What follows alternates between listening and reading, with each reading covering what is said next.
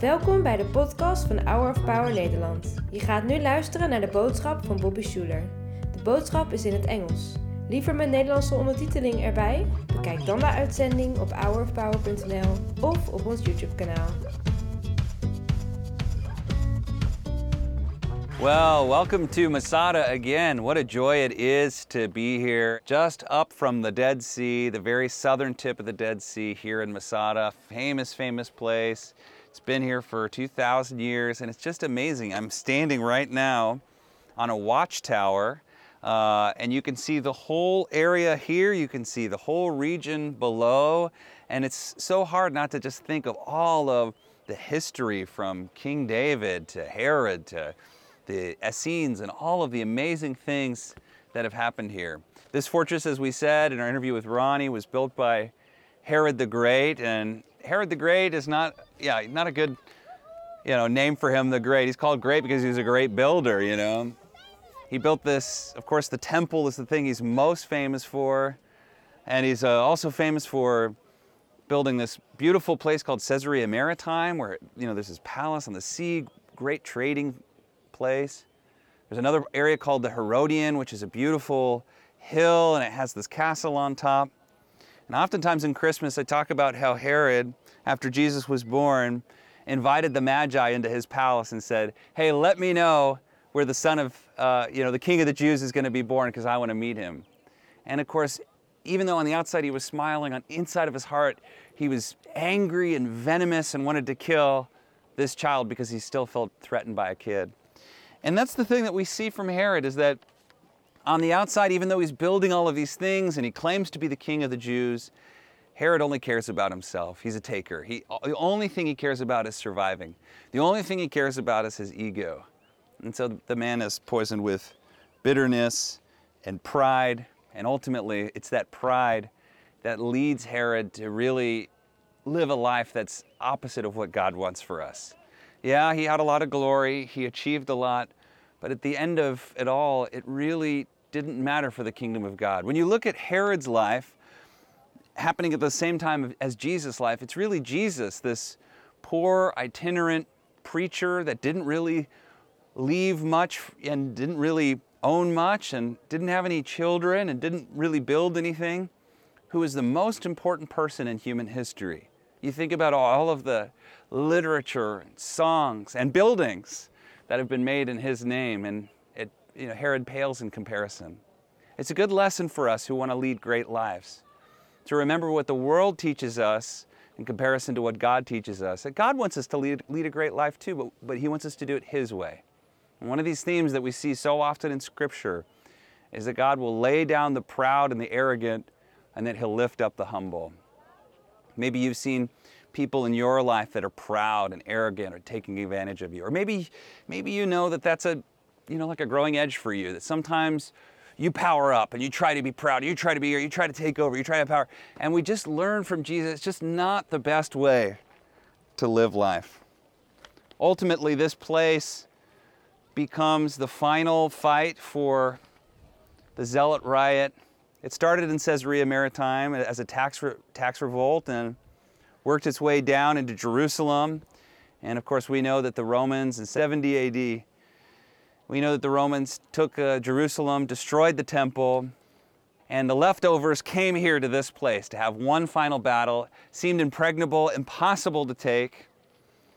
They had probably enough water and food, just under a thousand people, to last about maybe two years. And of course, to try and take this fortress, if you're you know, Rome, there's nothing around here. There's no food, there's no water.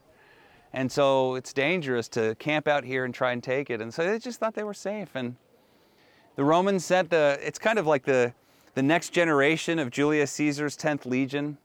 They were some of the most elite soldiers, there were about 10,000 of them. And you can actually still see the camp where they were there they built a wall first around Masada. Most of the time, when you see a castle wall, it's to keep people out. But the Romans built it so nobody could escape, to keep everybody in. And when they looked at this place, they said, How do we take this castle? You know, there's a little serpentine trail, but of course, that's incredibly dangerous.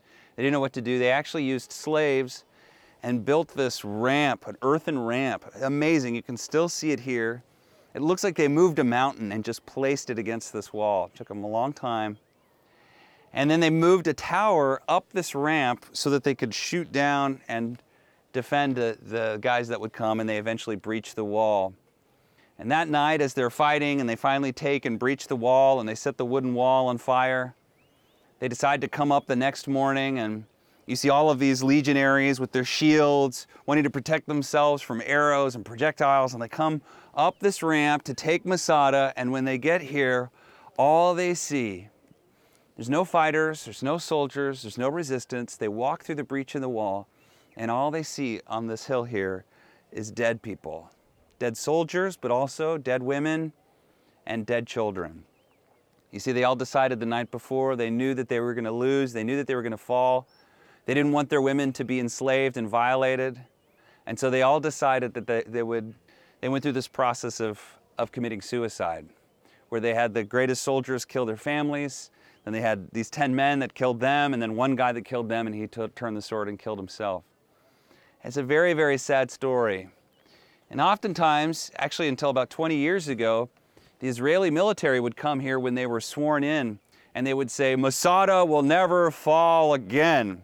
And that's a, that's a powerful claim. And of course, Israel is, you know, is a nation that is often, you know, feeling, you know, attacked on every side.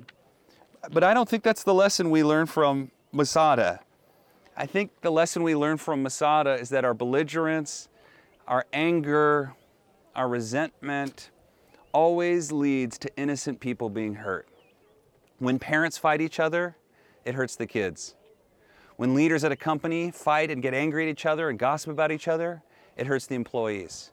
When pastors in a church argue and fight against each other, it hurts the congregation. And the, the problem is when you're angry and, and unforgiving and fighting and powering up against another person, it's almost like you're drunk. It's almost like drunkenness. All you can think about is, is this resentment. You grind your teeth, you feel angry, and you don't think about the fact that it's harming your team, it's harming your kids, it's harming your country. Peter goes to Jesus once and he famously asks the question Rabbi, how many times should I forgive someone when they've offended me or hurt me? And then he suggests, Peter to Jesus, he says, Seven times?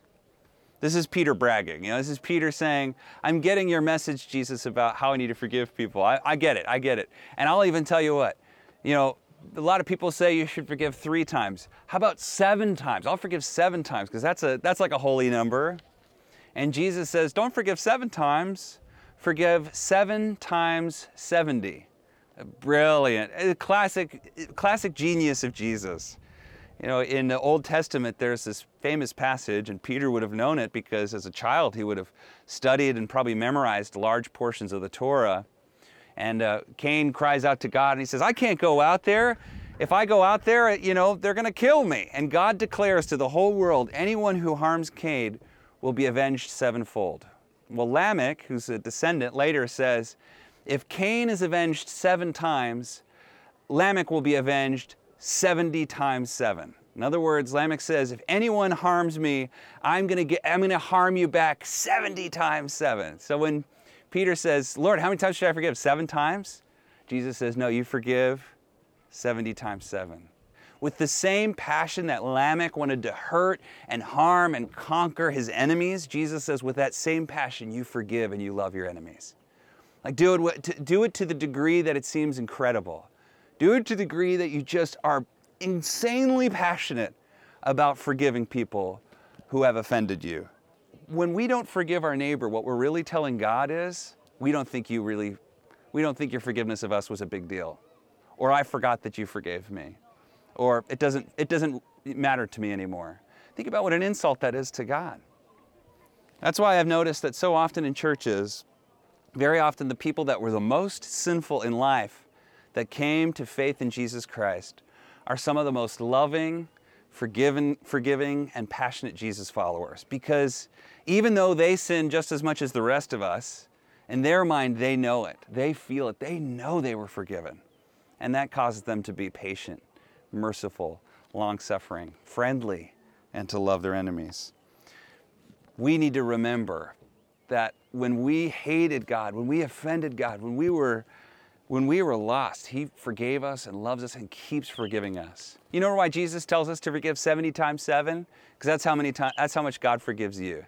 you. You think you think God could never forgive me after messing up a millionth time? He does. He loves you. And that's just it, isn't it? Like that we're so precious to God. We're just, you are God's treasure. But the sad thing is, so is that guy that cut you off on the freeway. So is that guy that stole your credit. So is your family member that betrayed you. So is your colleague that's kind of annoying and messes with your stuff and doesn't put the covers on their TPS reports. Uh, it's just, it's a part of life is that, that we are precious to God, but so is our neighbor. And God wants us to get the kind of heart where people become precious to us too. For sure, there are toxic people. There are people that no matter how much you forgive them or love them, they're still going to be evil and horrible.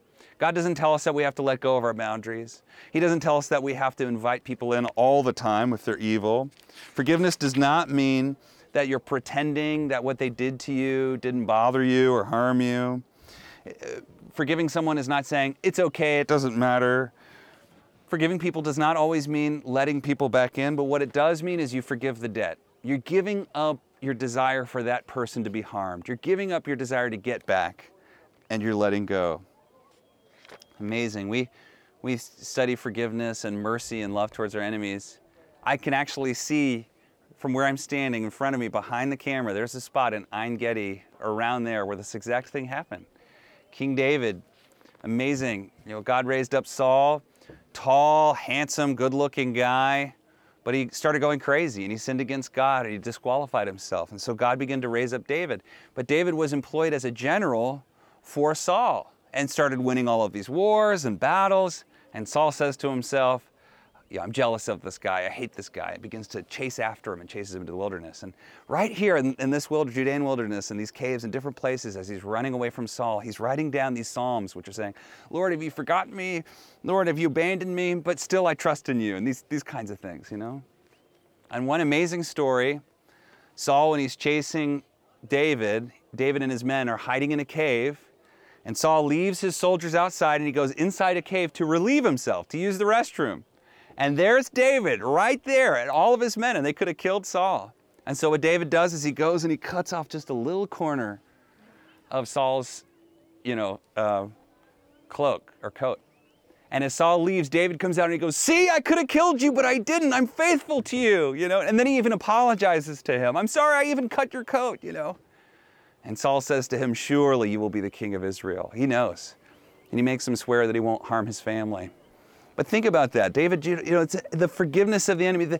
He had every right in the world to kill Saul and take the throne. He'd already been anointed, he'd already been called by God to be Israel's king. And even then, he forgives the man who's coming after him. And I think God honored David for that. David, for sure, was not a perfect man. But this is one of those wonderful stories that we see in the Bible of the, the, the good fruit that comes from having mercy, from forgiving, from loving. You can forgive your parents. You can forgive your, your spouse or your ex. You can forgive your kids and your grandkids. You can forgive your colleagues. You can forgive that old boss who fired you and it wasn't fair. And you can even forgive the people who have really hurt you. I know it's really hard, it doesn't happen overnight. Forgiveness is not something we do instantly. Forgiveness is a process that we work on. Sometimes it takes years. But will you begin that process today? I know you may not feel like you can do it right now, but will you at least begin the journey of saying, I'm going to do my best to forgive the people that really hurt me? I promise you, if you do that, you're going to feel better, you're going to feel happier, you're going to be more forgiving to other people, and you're going to have a better life. It's a great way to live. That's why in the Lord's Prayer, Jesus teaches us forgive us our offenses as we forgive those who have offended us. Sometimes we say trespasses or debts, but actually, scholars believe offenses is the right word. Isn't it interesting that he bakes into the Lord's Prayer, forgive those who are offensive?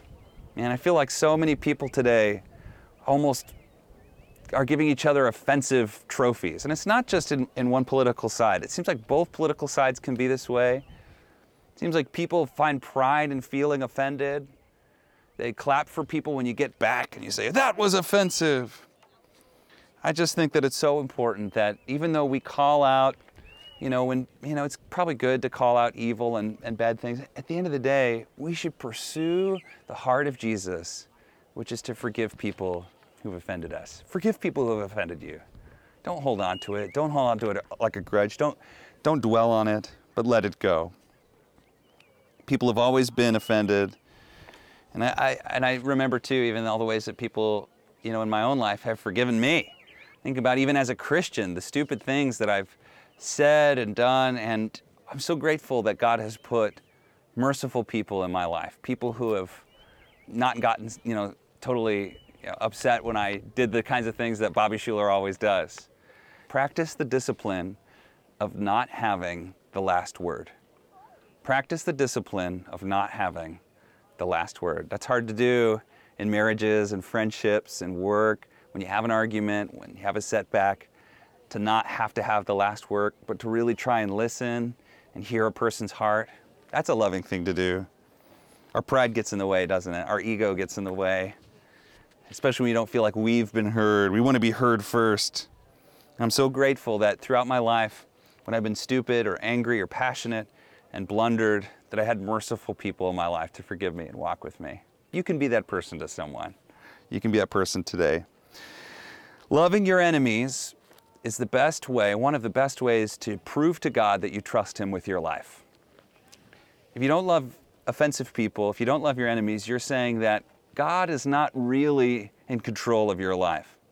That God does not really have the power, only I have the power. I want to encourage you, my friend, to test and see that when you love offensive people, that in the end it's better for you. You're more relaxed, you're more friendly. Hey, you might even get a better night's sleep instead of tossing and turning and thinking about all the things you could have said, you know, all the comebacks you could have had. Loving our enemies is a great way to live. Jesus tells us to turn the cheek. You know what that means? It doesn't mean to just pretend like it's not a big deal. When he said, when someone strikes you on the right cheek, that's referring to someone who, who backhands you, who offends you. He says, turn the other also, meaning force them to punch you. So he's not saying, just take a beating. He's saying force them to bring the idea to the fore. He says, when someone wants to sue you and take your, your coat, give them your cloak as well. In other words, in those days, you would have an undergarment, basically like long underwear that would, like a dress that would go down to your, your feet, and then you wear a coat over that. So if someone wants to take your coat, they're that horrible of a person, you have to give them your coat. He's like, take, and you go to the court, take your tunic off as well and give that to them so that you're standing naked in the, in the court.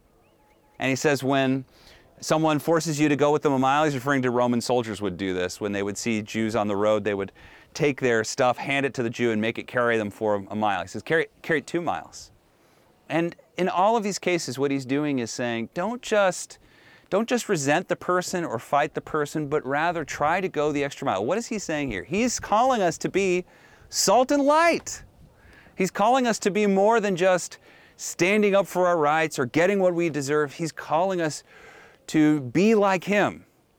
In the same way, the, the, the, the, prodigal son is chased after by the father out in the field. He's calling us to be salt and light and to, to be an agent of change in people. To not make it all about you, but to, to actually see that here's a person who can be touched by the gospel, who can be transformed forever by a simple act of forgiveness, love, and mercy. We're called to be salt and light. Abraham Lincoln famously said, You know how I destroy my enemies? I destroy my enemies by making them my friends. There's a lot of wisdom in that. There's a lot of wisdom. So we become agents of peace. If you want peace in the world, you got to have peace in people. So standing up here, another monument to Herod. Think about two men at the same time, Herod and Jesus and just nobody really cares about Herod in the way that they care about Jesus. I just think, wow, if we can be more like Christ, we can build and do so much more. And this is one of the best ways you can be like Jesus, is to love people, even when they offend you, even when they offend your religion, when they offend, offend your country, when they offend your family, let it go. Learn to love people. You'll be a happier person and you'll be doing what God called you to do, to be salt and light in a very dark world. Let's pray. Father, we thank you for this time and this beautiful place. And I pray for my friends who have been hurt, who've been harmed, who've been tricked, who've been double crossed. Lord, help us to forgive. Help us to give it to you. Help us to forgive in the way that you forgave us so that we can be the kind of people you called us to be. We love our neighbor and we love you. It's in Jesus' name we pray. Amen. Bedankt voor het luisteren naar de podcast van deze week. We hopen dat deze boodschap jou heeft bemoedigd. Wil je meer weten over Hour of Power of dagelijkse bemoedigingen ontvangen? Ga dan naar www.hourofpower.nl.